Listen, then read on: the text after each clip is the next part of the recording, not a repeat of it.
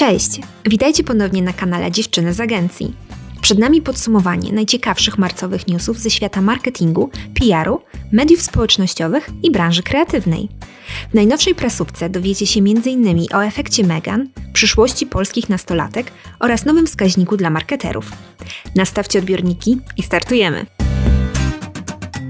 Marcowa komunikacja rozpoczęła się prawdziwie po królewsku. Na początku ubiegłego miesiąca o swoim istnieniu z rozgłosem przypomniała brytyjska para książęca. Mówię oczywiście o głośnym wywiadzie księcia Harego i księżnej Meghan. Pierwszy wspólny wywiad pary książęcej Sussex przeprowadziła Oprah Winfrey. Ilu ekspertów, Tyle opinii na temat wywiadu. Szczególnie podzielone zdania wyrażają eksperci z Wielkiej Brytanii i Stanów Zjednoczonych. Niemniej jednak skupmy się nie na tym, co mówili, ale na jego efektach. Oprócz oczywistego wzrostu oglądalności każdej stacji, która transmitowała rozmowę, możemy zauważyć kilka mechanizmów marketingowo-komunikacyjnych. Po pierwsze, należy zwrócić uwagę na tak zwany efekt Megan. Chyba żaden marketer czy właściciel marki nie mógłby wymarzyć sobie lepszej sytuacji. Efekt Megan dotyczy wzrostu popytu na przedmioty, które znalazły się w wywiadzie. Oczywiście kopiowanie stylu gwiazd i kupowanie podobnych ubrań nie jest niczym nowym. Efekt Megan jednak rozszerzył się o dodatkowe artykuły. Co ciekawe, w kilka dni po wywiadzie, jak podaje portal NBC News, w Stanach Zjednoczonych masowo wykupowane były meble,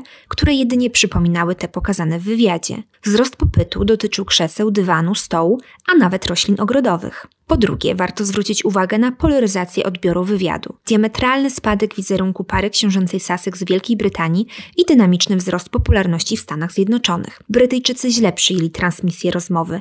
Jak podają wirtualne media, emisję wywiadu za niestosowną uznało aż 47% ankietowanych. Pozytywny stosunek zadeklarowało jedynie 21%. 56% ankietowanych nie odczuwało współczucia dla Harego i Meghan. Wywiad zdecydowanie miał na celu kreowanie pozytywnego wizerunku księżnej Meghan. To ona przede wszystkim była celem ataków tabloidów i ten cel został osiągnięty w Stanach Zjednoczonych. Wspomniany efekt Meghan i pozytywne reakcje na poruszane przez rozmówców tematy na pewno przełożą się na realizację celów biznesowych prowadzonych przez nich fundacji oraz firmy producenckiej. Dodatkowo widać wzrost wartości reklamowej Meghan i Harego. Zostając w temacie wpływu wizerunku na innych. Jeśli się zastanawiacie, co obecne nastolatki chciałyby robić w życiu, to odpowiedź jest jedna. Chcą mieć wpływ na innych. Z okazji Dnia Kobiet zaprezentowano wyniki badania Aspiracje dziewczynek w Polsce, zrealizowanego dla organizacji Inspiring Girls Polska. Dzięki badaniu możemy dowiedzieć się, o jakich zawodach marzą polskie nastolatki, a jakie zajęcia dla swoich córek preferowałyby ich mamy. Największą liczbą wskazań wśród dziewczynek w wieku 10-15 lat cieszyły się zawody instagramerka, tiktokerka i youtuberka. Blisko połowa z nich, bo aż 48%, uznało te zajęcia jako niezwykle interesujące. Co ciekawe, 12% matek również wytypowało właśnie je jako preferowany zawód dla swojego dziecka. Drugą w kolejności, lecz ponad dwukrotnie mniejszą popularnością wśród nastolatek cieszyły się zawód graficzki komputerowej oraz projektantki stron internetowych. Na trzecim miejscu z wynikiem 18% wskazań uplasowały się zawody związane z wykształceniem prawniczym. Czy te zawody mają przyszłość w długiej perspektywie? Jak pokazuje raport Polski Rynek Influence Marketingu 2021 przygotowanego przez platformę reachablogger.pl?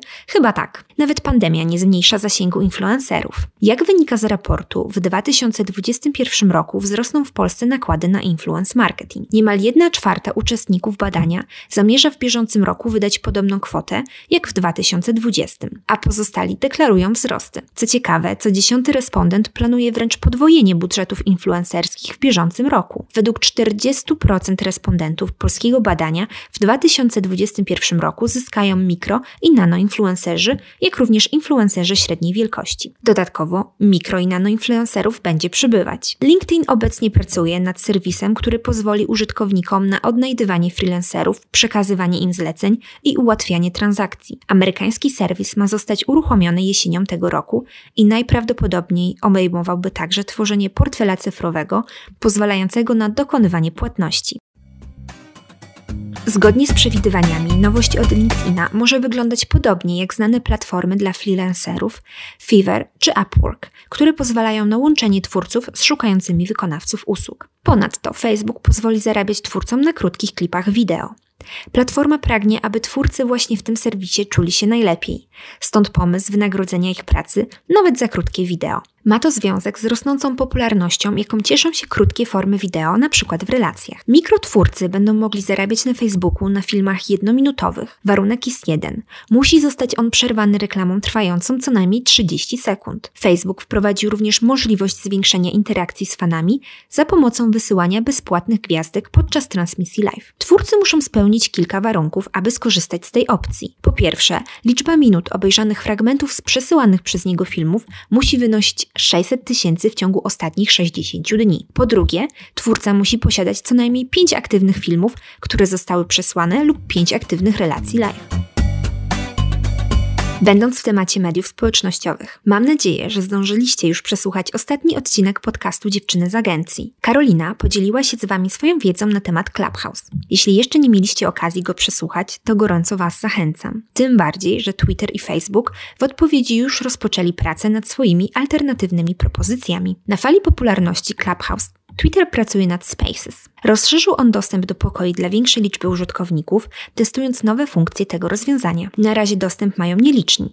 Polakom przyjdzie jeszcze poczekać. Ciekawym rozwiązaniem w Spaces jest planowanie, które zapewni więcej sposobów hostowania i zarządzania przestrzenią audio. Po opublikowaniu na Twitterze linka do pokoju, użytkownicy będą mogli poprosić o przypomnienie o konwersacji za pośrednictwem tweeta. Spaces jest w fazie testowej, dlatego jeszcze nie został oficjalnie ogłoszony. Wszystko jednak wskazuje na to, że po dopracowaniu błędów nowe funkcje audio social na Twitterze mogą ukraść użytkowników Clubhouse. Swoje zainteresowanie konkurencją wykazał również Facebook. Alestro Paluzzi poinformował o możliwości wyboru pomiędzy pokojem Audio Live a prywatnym pokojem do rozmów. Nowa opcja może być dostępna już wkrótce, bowiem nie wymaga zbyt wiele zmian od Facebooka. Kilka miesięcy temu wprowadził on pokoje wideo. Zatem nowa propozycja to zaledwie wyłączenie kilku opcji oferowanych w tym momencie. Na koniec coś, z czym każdy marketer powinien się zaznajomić. Mianowicie Share of Search, czyli nowa miara efektywności działań. Wskaźnik udziału w wyszukiwaniach jest w fazie badań.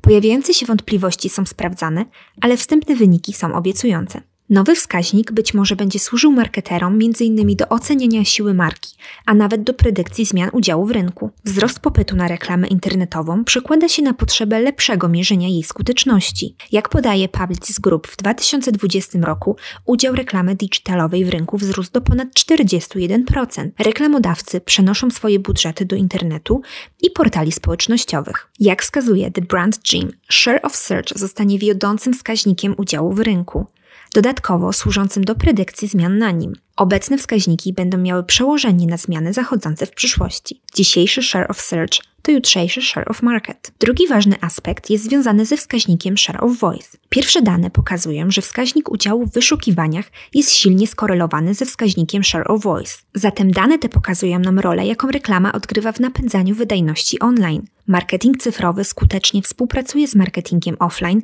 a nie zastępuje go. Kolejny ciekawy wniosek to bazowy poziom udziału w wyszukiwaniach bez udziału reklam. Tak zwany base level przedstawia obecną siłę marki. Ostatni wniosek płynący z analizy nowego wskaźnika to krótko i długoterminowy wpływ reklamy na sprzedaż i wizerunek marki. Przedstawione wstępne wnioski pokazują, że reklama ma również krótko i długotrwały wpływ na udział w wyszukiwaniu. Co ważne, skoki stają się większe w czasie, pokazując skumulowane korzyści z inwestowania w reklamę.